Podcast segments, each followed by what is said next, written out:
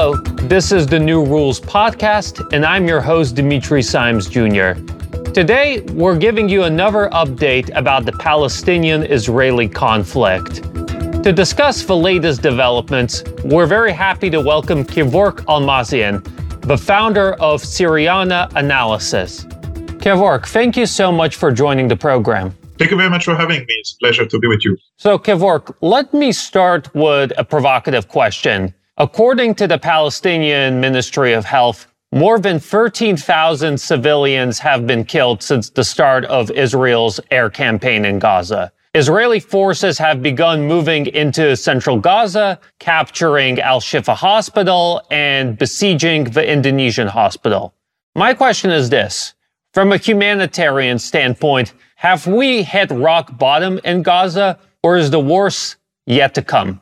Let's first uh, draw parallels, for example, between the war in the Gaza Strip and the war in Ukraine. In the Ukraine case, for example, we have the Russian side, which conquered and captured territories and then built fortifications and mined the roads, the main roads, right?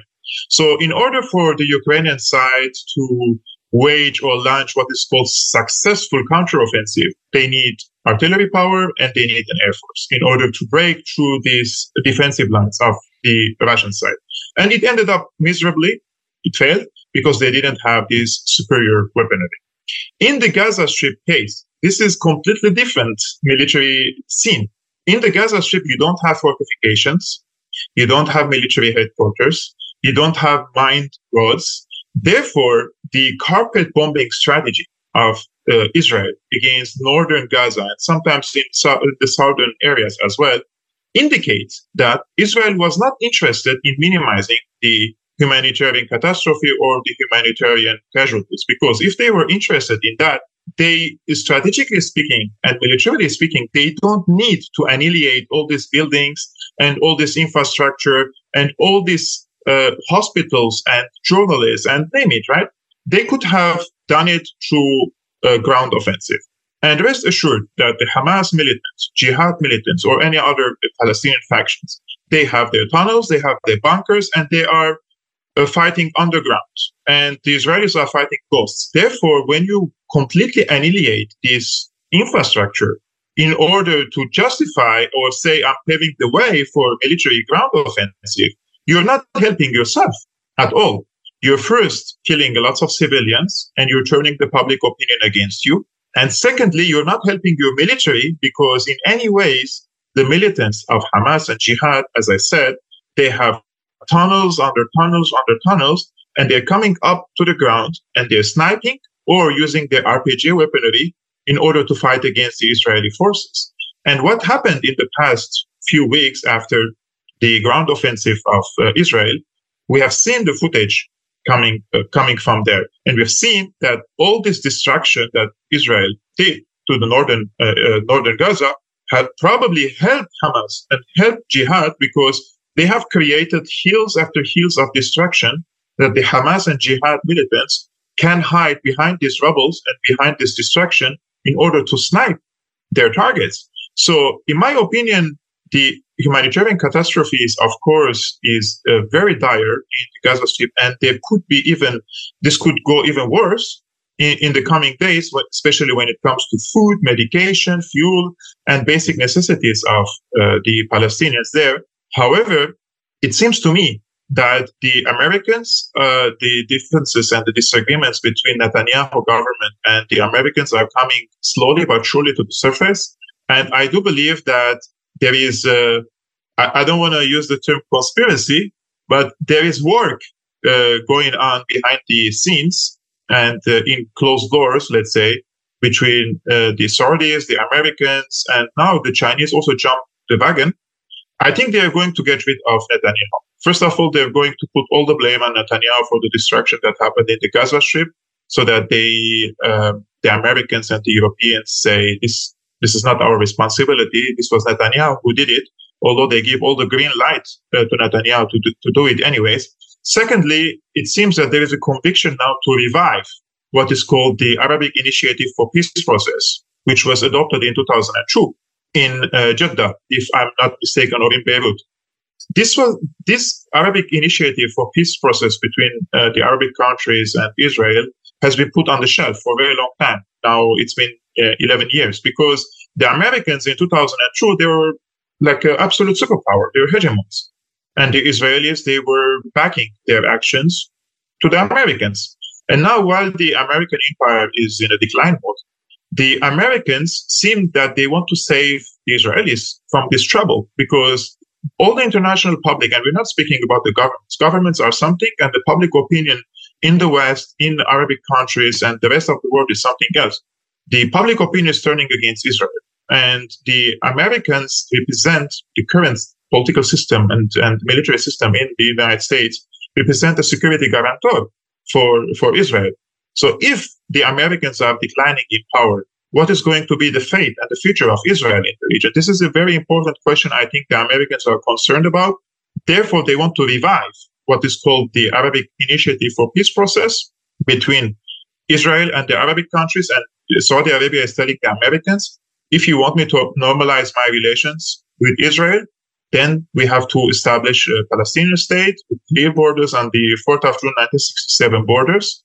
And to do that, I'm also going now to China because the Arabic uh, Arab League, uh, some of the Arab ministers, foreign ministers, and the Islamic uh, foreign ministers, they are in Beijing and they're speaking with the Chinese side. I think this is also an indication that China has probably become the mecca for peace processes and medi- uh, peaceful mediation and solving the crisis in the region, and probably also to add pressure on the United States to act quickly to end this conflict in the Gaza Strip because the Israeli goal is clear. They they said what is their goals. I'm not analyzing here. The Israeli officials said our goal is to push the Palestinians from northern Gaza to the south and then push them from the south to the Sinai, to Egypt. And they said that we are going to build, the international community, sorry, is going to build uh, tent cities for the Palestinians and ask them to stay there temporarily. Of course, here we have to add some wing wings to this because uh, what happened the last time the Palestinians uh, left their farms and homes temporarily in 1948, they stayed refugees forever. So uh, the Egyptian and the Saudi side told the Americans and the European Union after uh, the visits of Joe Biden to the region, Blinken many times to the region, and also Ursula von der Leyen to the region, that any attempt to push, forcefully push the Palestinians from the Gaza Strip to the Sinai is an act of war, and Egypt will intervene if that happens. Therefore, you see all this, if you see this timeline after these visits, all of a sudden, the United States, uh, Borrell and uh, Ursula von der Leyen, they've all started to speak about the two-state solution. They started criticizing the uh, the violent acts by the settlers against the Palestinians in West Bank. And the mainstream media, CNN, BBC, like those are mouthpieces for the American and British establishments. All of a sudden, these TV channels and outlets have waken up to the fact that there is killing and destruction happening to the Gaza Strip, and the Israeli side is lying about the Shifa hospital, and there is uh, violent uh, uh, terrorist acts by the settlers against the Palestinian state. This is not a coincidence. This means that there is a political work has been done behind the curtains, and now this is reflecting on the media attitude toward what's happening in the Gaza Strip. And I suspect that if the Arabic and Islamic ministers come from Beijing with a successful visit, Americans will accelerate the uh, peace process in in uh, in Palestine, and also this also could mean that um, the, in the grand compromise we could also see that there is going to be a weakening of Zionism in in Palestine or in the occupied territories because Zionism is uh, they believe in the expansion of their territories. They want to expand and conquer all Palestine. And in the Likud party, they say from the river to the sea, everything should be under the sovereignty of Israel. So I don't think that a two-state solution or a peace process can can succeed with the presence of this very radical Zionists or Zionist ideology in Israel. But at the same time, we have to also agree that if the Zionism will be weakened, the Arabic countries would probably also, by the Saudis or the Qataris, and the Iranians, they will probably also try to de-radicalize some of the elements in the Palestinians. They would say that Hamas and Jihad must be must hand over the Gaza Strip to the Palestinian Authority, and there should be elections held, etc., etc. I think this is a direction that uh, is uh, the region is heading toward now, unless something very serious happens. Because today, Monday, Hezbollah has escalated in from southern Lebanon against the uh, Israeli uh, barrack, and they have used half a ton of missile against a, a, military post in, in northern Israel, and they completely destroyed it. So we have to ask here two questions, uh, or ask the question: What is the intention of Hezbollah here? Are they interested? Are they sending a signal to the Israelis that we're going to add pressure on you to accept what is going to be accepted in in Beijing between the Arabic countries and and China? Or Hezbollah is sending a message that it's not interested in uh, any agreement that is coming from Beijing. I think Hezbollah is not interested in a regional war. Iran is not interested in a regional war.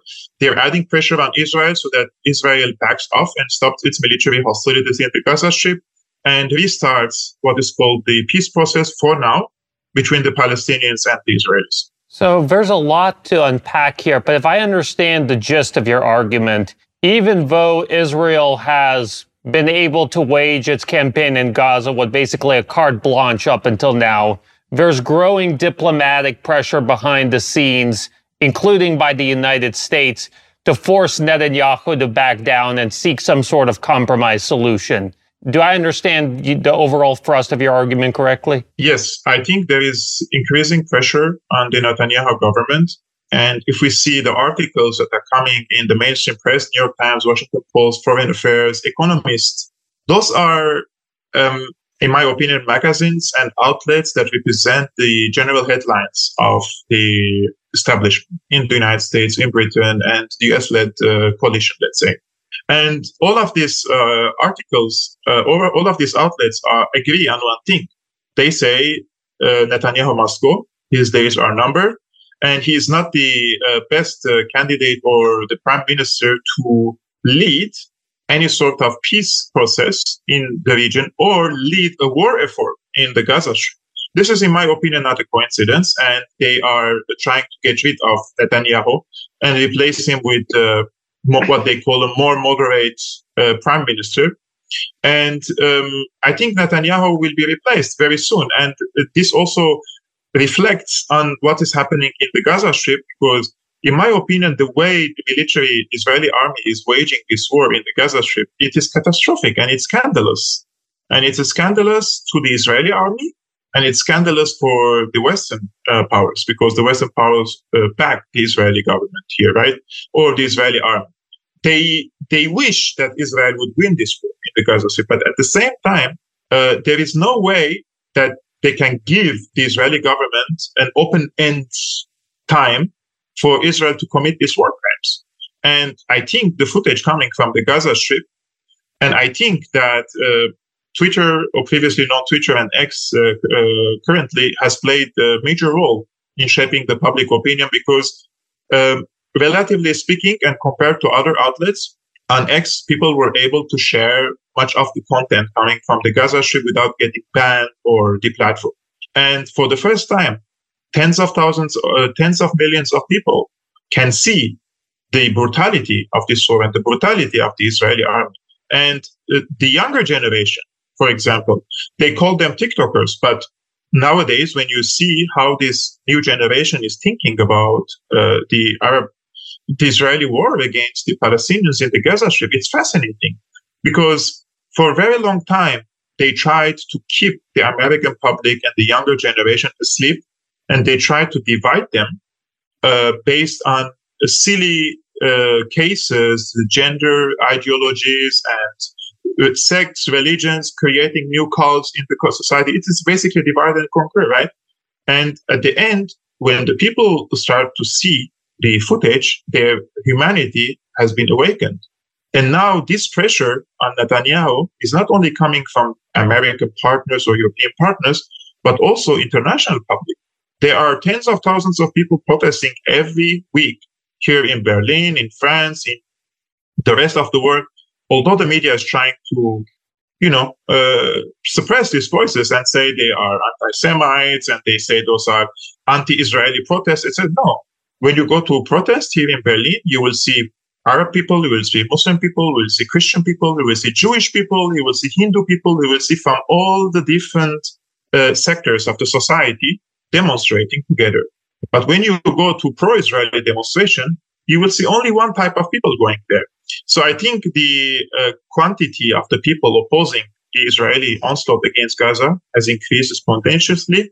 And the Americans at, at the current moment, they cannot tolerate that the Israelis continue in this uh, onslaught for two reasons. One, the humanitarian, I would say, uh, consequences are very, very high and they cannot hide it anymore. And secondly, because uh, alternative powers, and here we're speaking about particularly China, can take the role of the mediator from the United States and replace the United States as a mediator in the Middle East. And let's remember that the Americans played this role in the 70s and 80s and the early 90s. They tried to strike deals between Arabic countries and mediate between them. But the United States has lost all credibility now as a mediator. And nobody in the Arab world at the current moment sees the United States as a, as a, as a mediator. The United States is part of this war with Israel against the Arab people. And because of the shift of balance of power that happened, especially after the Ukraine war, the regional powers have uh, uh, become emboldened. Iran has become emboldened. Saudi Arabia has become emboldened. UAE has become emboldened.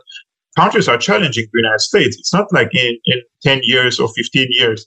I think the shift started uh, with the Syrian war when the Russians intervened, the Iranians and Hezbollah intervened in this conflict, and they foiled the regime change war after the successful regime change war in Libya. And since then, the this was, I think, the first uh, setback for the American empire that their project militarily has failed. And then we saw what happened in Ukraine. In Ukraine was clear cut failure for the American project uh, in, in Ukraine. And I think it will end up again miserably for the Ukrainians, and unfortunately so, because the Ukrainians have been used in this conflict and became a cannon fodder in this very long uh, conflict. And they now they call it a stalemate. It's not a stalemate; it's failure. A stalemate means that the Russians couldn't conquer any territories in Ukraine and the Ukrainians couldn't protect anything. Like it's like stalemate from the beginning. No, the Russians occupied and conquered territories in in in, uh, in Ukraine, and the Ukrainians couldn't hold and couldn't uh, ca- recapture these territories. So it's a failure for the American-led counteroffensive and the trying to convert the country into pro NATO pro NATO or NATO country, let's say. So all these let's say developments uh, lead into one uh, into one result is that the Americans have lost their status as uh, the absolute hegemon, and there are rising powers such as Russia and China, and they're cooperating together closely. And there are regional powers like Saudi Arabia and Iran, and they have become closer together after the Chinese mediation, and they restored ties. And now they're coordinating the current affairs in the region with Egypt, with Syria, with Iraq, and, and, and the rest of the uh, of the countries. I think Israel Israel's interest now is to say, I want to, uh, I have achieved my goals by destroying the main, uh, let's say, powerhouse of the Hamas because they were all in northern, uh, northern Gaza Strip and pretend that they want this war and withdraw from the Gaza Strip and allow for an alternative government or different faces in Israel to come and replace Netanyahu, which is going to happen, of course, and say we are interested in a two-state solution but this also means that they have to dismantle the settlements. They have to withdraw from the West Bank. They have to draw clear lines, clear borders. Uh, Israelis, up until this moment, they don't uh, recognize borders. They're just capturing new territories every day, whether through settlements or through direct occupation. And I think this has to come to an end because the alternative, as you can see, what's happening now in the Gaza Strip and imprisoning people for 16 years and then blaming them to become radicalized it's like uh, that means you first you either do, did it on, on purpose so that you radicalize them and something like Hamas comes up so that you say, oh, my enemy is terrorist. I don't want to discuss with them, which is probably the case. Or you don't know anything about the collective psychology of the people. When you imprison people 16 years, you control the exits and the enters and the skies and ports and food and electricity. Of course, the people will resort to violence to liberate themselves. We're human beings. And uh, if historically we used to kill animals with our hands to to survive. And when your survival instinct hits, of course you use uh, violence. I'm not justifying violence, but I'm explaining why this violence is happening. I want to remind our audience members that you are watching and listening to the New Rules podcast. I'm your host, Dimitri Simes Jr., and our guest today is Kevork Almassian. All of your points are well taken, and as of the recording of this podcast, there are growing reports about a potential uh, hostage swap deal between Israel and Hamas that could lead to a temporary ceasefire in Gaza. But I want to, for the sake of this conversation, play devil's advocate, right? Because you make all these sort of, you know, interesting arguments about why there could be growing diplomatic pressure for Israel to back down. But I'm looking at this uh, from, as I guess, an outside observer. And I see that although many Arab and Muslim countries have condemned Israel's actions in the strongest language, they haven't taken any sort of concrete steps to try and limit Israel, to somehow punish Israel, to somehow deter Israel. Same goes with the United States, with the West. Even though we see growing discomfort from the from Joe Biden, from European leaders, it's hard to imagine them imposing sanctions against Israel or taking some other action that would force Netanyahu to make politically uncomfortable concessions. You know, given the fact that Israelis have been able to get away with everything so far, why is why should we conclude that they won't be able to keep getting away with it? Actually, that's a very good question. I will just divide it into two parts. First of all, there is no way for the Americans to impose sanctions on Israel. Neither the Europeans. Europeans, I mean, unfortunately, I live in the European Union and I do not see nowadays any difference between the American foreign policy and the European foreign policy. I'm old enough to remember during the days of uh, Jacques Chirac and, and uh, let's say a decade or two ago, there were some leaders in Europe who tried to play uh, independent foreign policy uh, roles around the world. And nowadays, there is not even a fine line between Washington foreign policy and Brussels foreign policy. So let's put Europeans aside.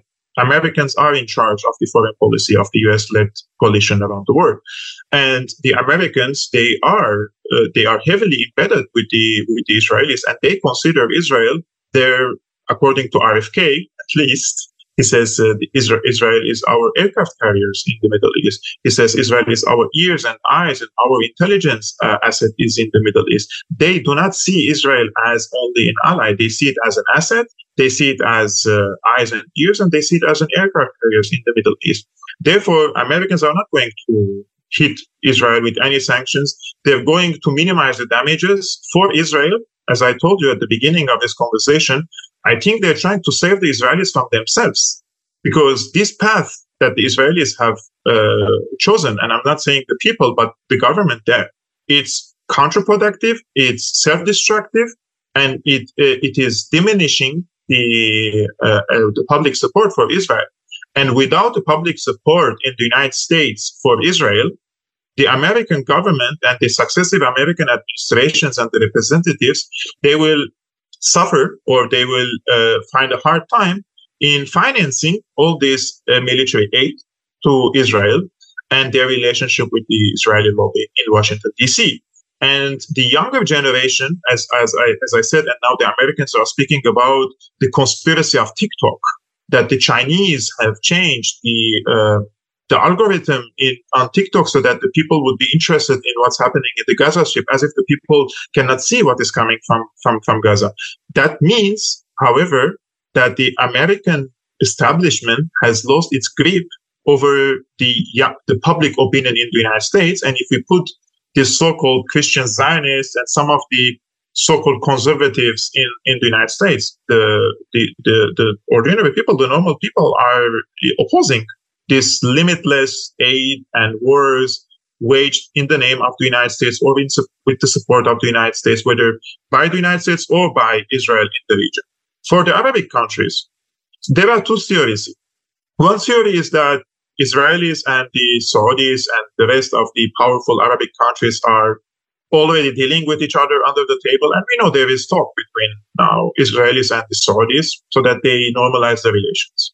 And the second theory is that, uh, that the Saudis, they are very pragmatic and they couldn't face the American hegemony in the region in the past decades, and they played along the Americans in the past decades because why would they challenge the Americans and lose and their countries be distracted if you see what happened in Iraq, if you see what happened in Syria, all the Libya, all the countries who challenged the Americans, their countries have been destroyed. But now that the American hegemony is declining, and they are they were able, thanks to that, to strike a diplomatic and security deal with Iran.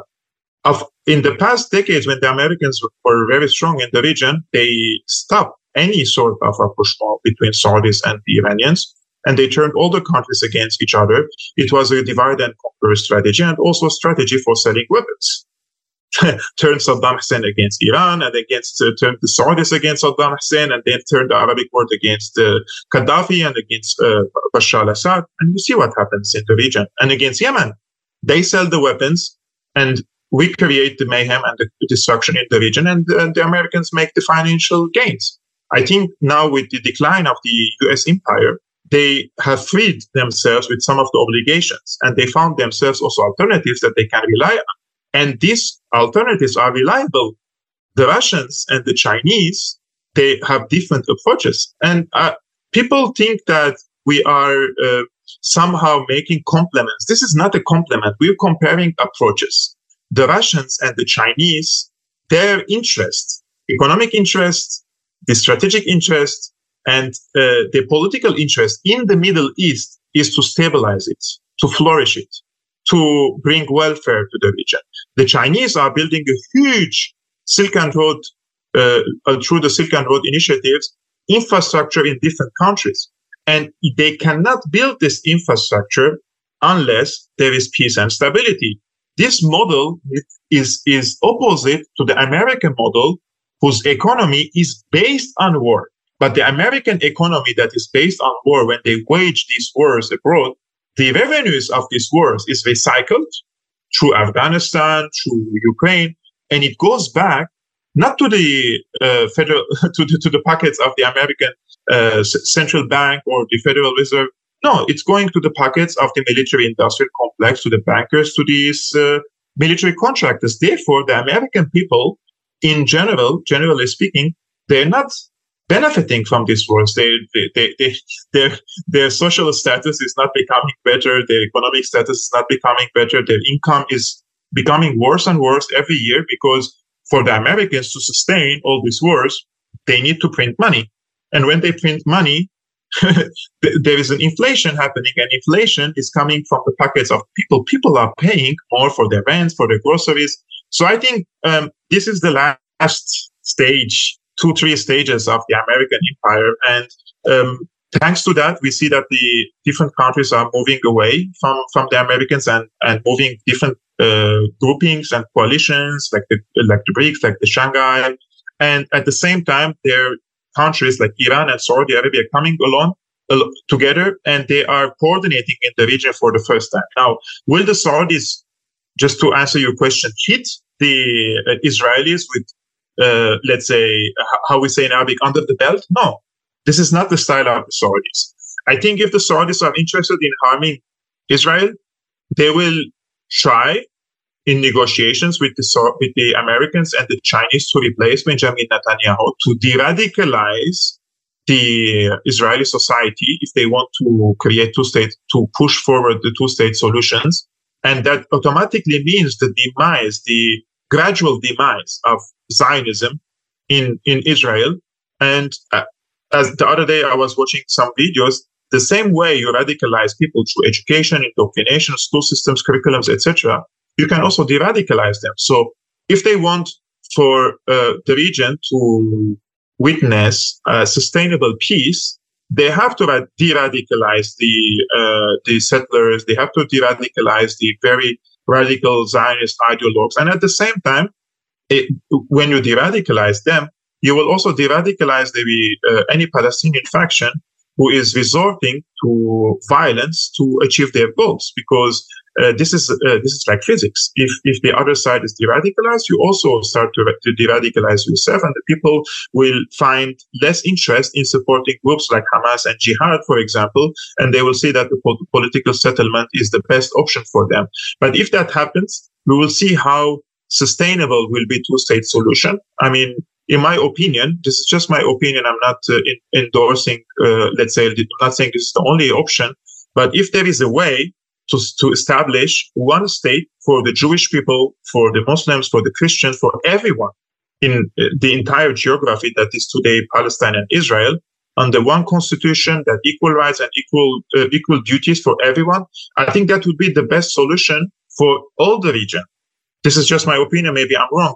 I, I do not see that the two-state solution will be uh, sustainable on the long run. Let's see if if the Americans and the Chinese come as a guarantors and somehow establish two-state solution that can work. It, only time will tell that.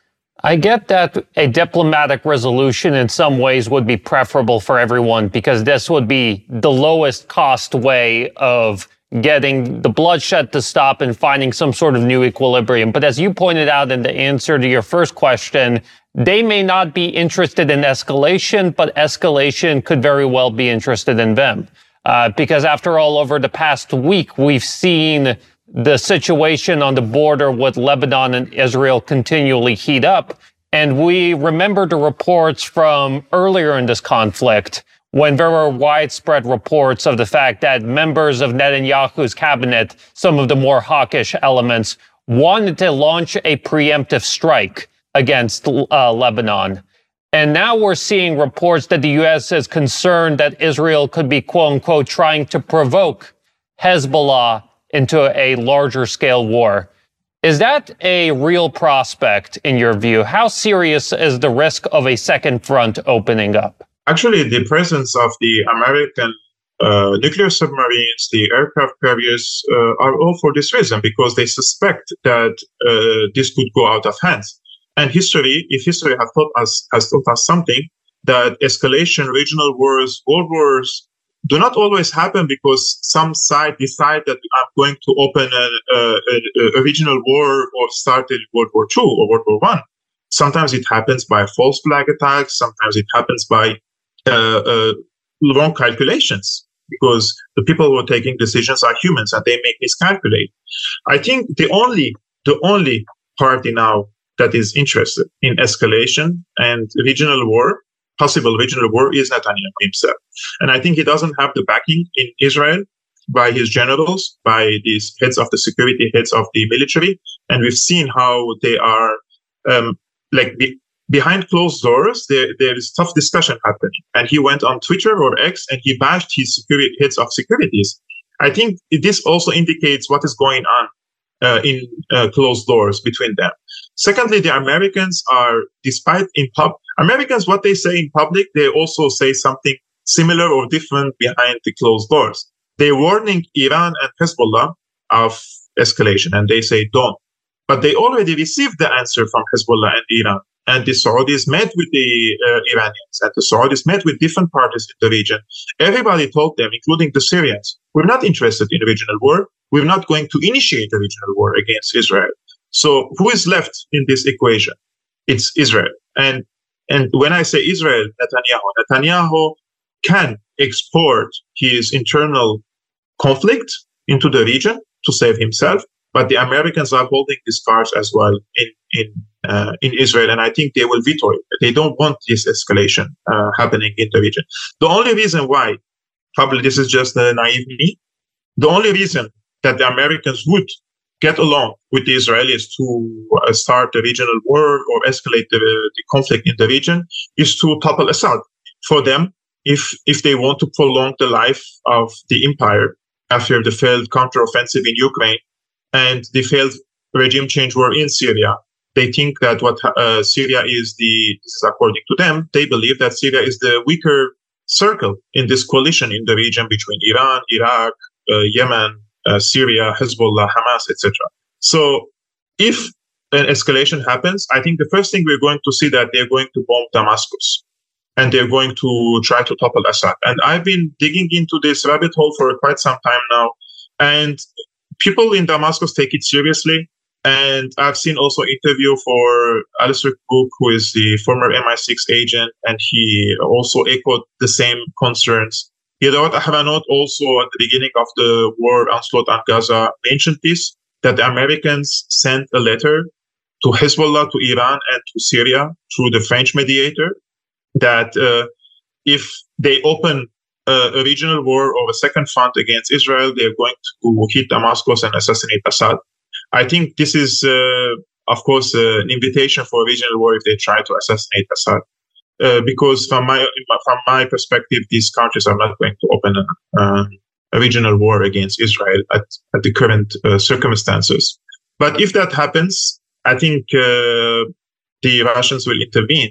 Because remember the Russians have a strong fleet in, in the Mediterranean and they have to protect their interests. And their interests are two, in my opinion, or there are multiple, but the main strategic ones are their presence on the Mediterranean and the, um, the, the, the state institutions in Syria. This is the, the reason that why Russia intervened in Syria, because they didn't want for the state institutions to crumble in the face of ISIS, Nusra, and all the other terrorist groups there and they it's in their interest to keep a stable Syria. So the Russians will definitely intervene, and this is also one of the evidence for that is that this, the moment the American uh, aircraft carriers and the nuclear submarines arrived to the region, Putin gave the order to his aerospace to conduct 24/7 tours over the uh, Black Sea um, and he gave the order for the F-30s, uh, MiG, MiG-30s, I think, yeah, the MiG-30s to carry uh, the Kinzhal hypersonic missiles, which I, I, don't know, I'm not good good in math, but uh, I, when I did my calculation, it seems that the Kinzhal missile can reach the American aircraft carriers uh, in the Mediterranean between six to eight minutes from the Black Sea if they want to hit the Americans. And I don't think that's a coincidence that Putin all of a sudden decided to uh, equip the and give an order to his aerospace to carry this type of weaponry there. And at the same time, if you watch the videos that Hezbollah released, the last two, um, they show their anti uh, um, anti-ship cruise missiles for the first time.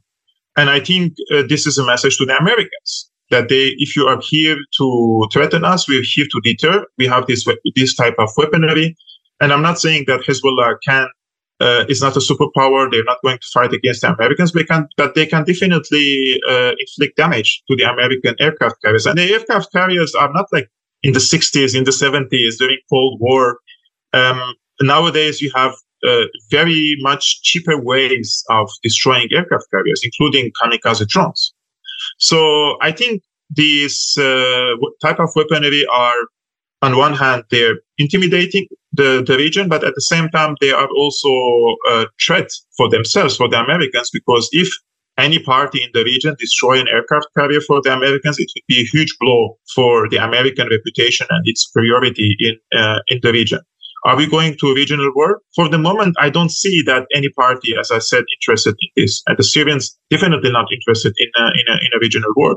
But today's bombardment from Hezbollah little bit surprised me on Monday. Uh, the type of weaponry, the quantity and the quality of the weapons they're using now uh, are different uh, compared to the type of weaponry they were using a week ago, including kamikaze drones, including um, what is called Burkan missile. Burkan means volcano. And it's a Lebanese made uh, weapon, by the way. And it uh, carries half a ton of uh, explosives. And they have completely destroyed a big military barrack of, of the Israelis. So let's see how the Israelis will react to this. Because if the if the Hezbollah side is doing this to deter further attacks on Lebanon or to force the Israelis to stop the bombardment of the Gaza Strip, I don't think the Israelis are going to stop that unless there is international pressure. And that international pressure should come first from Arabic countries and then uh, by an international backer, whether it is China or China and the United States together. Are the Americans interested in the escalation? They should be. I, if I'm an American decision maker, I would say no to regional war. I would say that I want to strike a peace deal between the Arabic countries and Israel and present myself as a mediator. I do not understand what kind of image and reputations Americans are living in the region or trying to establish in the region, but it's definitely not a positive role they're playing there, and the people can understand that and they can see that. So if I'm an American decision maker and I'm calculating what is my strategic interest for the next 10 years, for the 20 years, do I want for the Middle East to be on fire? No. I don't want for the Middle East to be on fire because what is my priority as an American? It's Russia and it's it's China, right? As an American, I'm saying from their point of view, these two powers are challenging me. So why would I flare the fires in the Middle East instead of trying to what they call pivot or contain these two big powers? It's not in the interest of the Americans to uh, to to create a regional war, but on the ground, it seems that uh, sometimes the policies of the United States is driven by ideologies, it's driven by lobbies, it's driven by military industrial complex. They don't really do the calculation for the national interest, for the strategic interest of the United States as a country, as a nation, and for the American people. They are doing the calculation based on how much these few individuals in this political and military elite could pocket money and could establish influence around the world. This is the unfortunate truth. Yeah. So you make the interesting point that the only person that could potentially be interested in escalation is Netanyahu. Could you elaborate on that? Because it seems that from the Israeli perspective, a regional war is something incredibly risky, something that could potentially pose an existential threat to the state of Israel itself. Why would Netanyahu potentially want to provoke Hezbollah or want to provoke Syria into a regional war? Why would such a dangerous scenario be even something he would consider doing? This is a very, very important question. And I think the declared goal in the Gaza Strip, what is the declared goal in the Gaza Strip? The eradication of Hamas and Jihad, right? Is this, is this a logical and applicable goal for Israel in the Gaza Strip? No unless they completely annihilate everyone in the Gaza Strip and go tunnel to tunnel and uh, bunker to bunker and try to fight every single 40,000 of these militants there, they're not going to annihilate Hamas and the jihad from the Gaza Strip. And remember, even if they physically annihilate Hamas and jihad, there's going to be another group coming and replacing the Hamas and jihad and probably more radicalized than Hamas and jihad because they are not solving the uh, the core of the issue, and that is occupation freedom of the Palestinian people and their right for a state. Unless you solve the root causes of these uh, problems, you're always going to find more people willing to hold carry arms because they are they, they are humiliated and they're occupied and they are cornered, right? So militarily speaking, Israel at the moment they don't have the capacity to or to crush Hamas and Jihad and occupy the Gaza Strip, and there is no 100% green light uh, for the Israelis to do that. Because the declared goal is to destroy Hamas and jihad and ethnically cleanse the Palestinians to Sinai. And what happened is, uh, in, in the surprise probably of the Israelis, that the Egyptians and the Saudis said, this is a red line. You're not going to occupy the Gaza Strip and you're not going to send 2 million uh, Palestinians to uh, to Egypt, and Egypt said this is going to be considered an act of war, and they mobilized their forces on the border side. So what is your alternative now for as, as Netanyahu government when you cannot achieve your goal in the Gaza Strip? If you back off from this war, what is going to be the image of Israel? We're not speaking about Netanyahu now. What is going to be the image of Israel after the failed offensive and trying to occupy southern Lebanon in 2006, and now another ground offensive against the Gaza Strip, and it ends up in a failure? This is going to be a huge setback, right, for the uh, hegemony of Israel, not only in Palestine, but its hegemonic status in the region. People will understand that Israel is not the invincible army as it claimed to be in the past years. Yes, they have nuclear weapons, they can intimidate other countries, they can bring allies, etc., but they cannot fight urban warfare. They cannot fight against non-state actors. They cannot win against these uh, militant groups. And this has been proven in 2006 and it's being proven in 2007 and now in 2023 in, in the Gaza Strip. The alternative for them is to force their allies to come and fight with them. And but the allies are not willing to come and fight with them unless there is a regional war or a greater threat to the existence of Israel. So unless you provoke Hezbollah to intervene and if Hezbollah, if you were watching Hezbollah, what they said from 2006 to today, Hezbollah developed a military strategy to conquer northern Israel till Haifa. They said it. And my opinion, I follow uh, Hezbollah for uh, for quite some time and also followed their performance uh, in Syria, I think they are capable of occupying northern uh, Israel. They, the, the, what Hamas did on the 7th of October, who is going to be, uh, it will look like uh, from a child's play compared to what Hezbollah can do to Israel in the north. But if they, if that happens, who, who's going to come uh, uh, for help to the Israelis? The, the Western countries. The UK will intervene, France will intervene, uh, United States will, they will be forced to intervene because there is an existential threat against Israel. This is what it, Netanyahu is trying to do. He is blackmailing his allies and he is provoking the regional powers to drag them into expansion of this war so that he brings his allies and asks them to intervene directly because the existence of Israel is now threatened, not only ju- just by one group of uh, Hamas who came and uh, killed 1,400 people. Uh, probably half of them were killed by the Israeli helicopters, anyways. But if there is an existential threat against Israel, then the Americans will intervene on the side of uh, Israel. I think this is what Netanyahu is aiming for as an end game. Will he succeed in that? The, the regional countries are practicing big restraint, self-restraint. Look what they're doing in Syria. Every time they bomb in Syria, why, why are they bombing Aleppo International Airport? Is Aleppo International Airport close to Israel? Because they say Iranian actors, Iranian linked militias, etc., etc. Even if there is Iranian militias there, it's like uh, 800 kilometers away from the first Golan Heights border, right?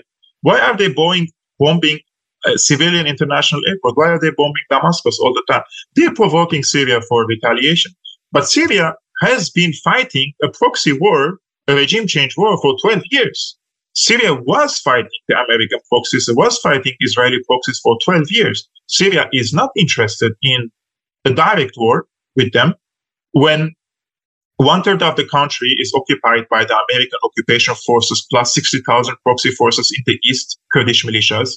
In the south, they have the uh, of border crossing occupied by the Americans. Around it, lots of ISIS cells, and they're uh, blocking the trade routes between Syria and Iraq and Jordan. And in the uh, southwest, in Sueda and in Daraa, the, the Americans, they still have sleeping cells there by the Free Syrian Army and some of the Druze elements.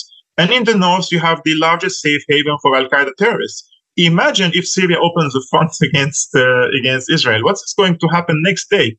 all these ISIS cells, Al Qaeda cells, the Kurdish militias, all of them, they're going to conquer more territories in Syria because the Syrian army is overstretched now in to hold what is what is what is left under control.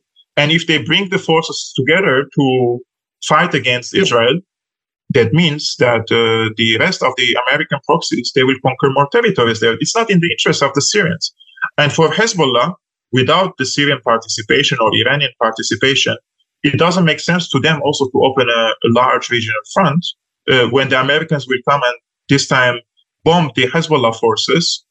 And at the same time, they will deter Iran because they bought their nuclear submarines.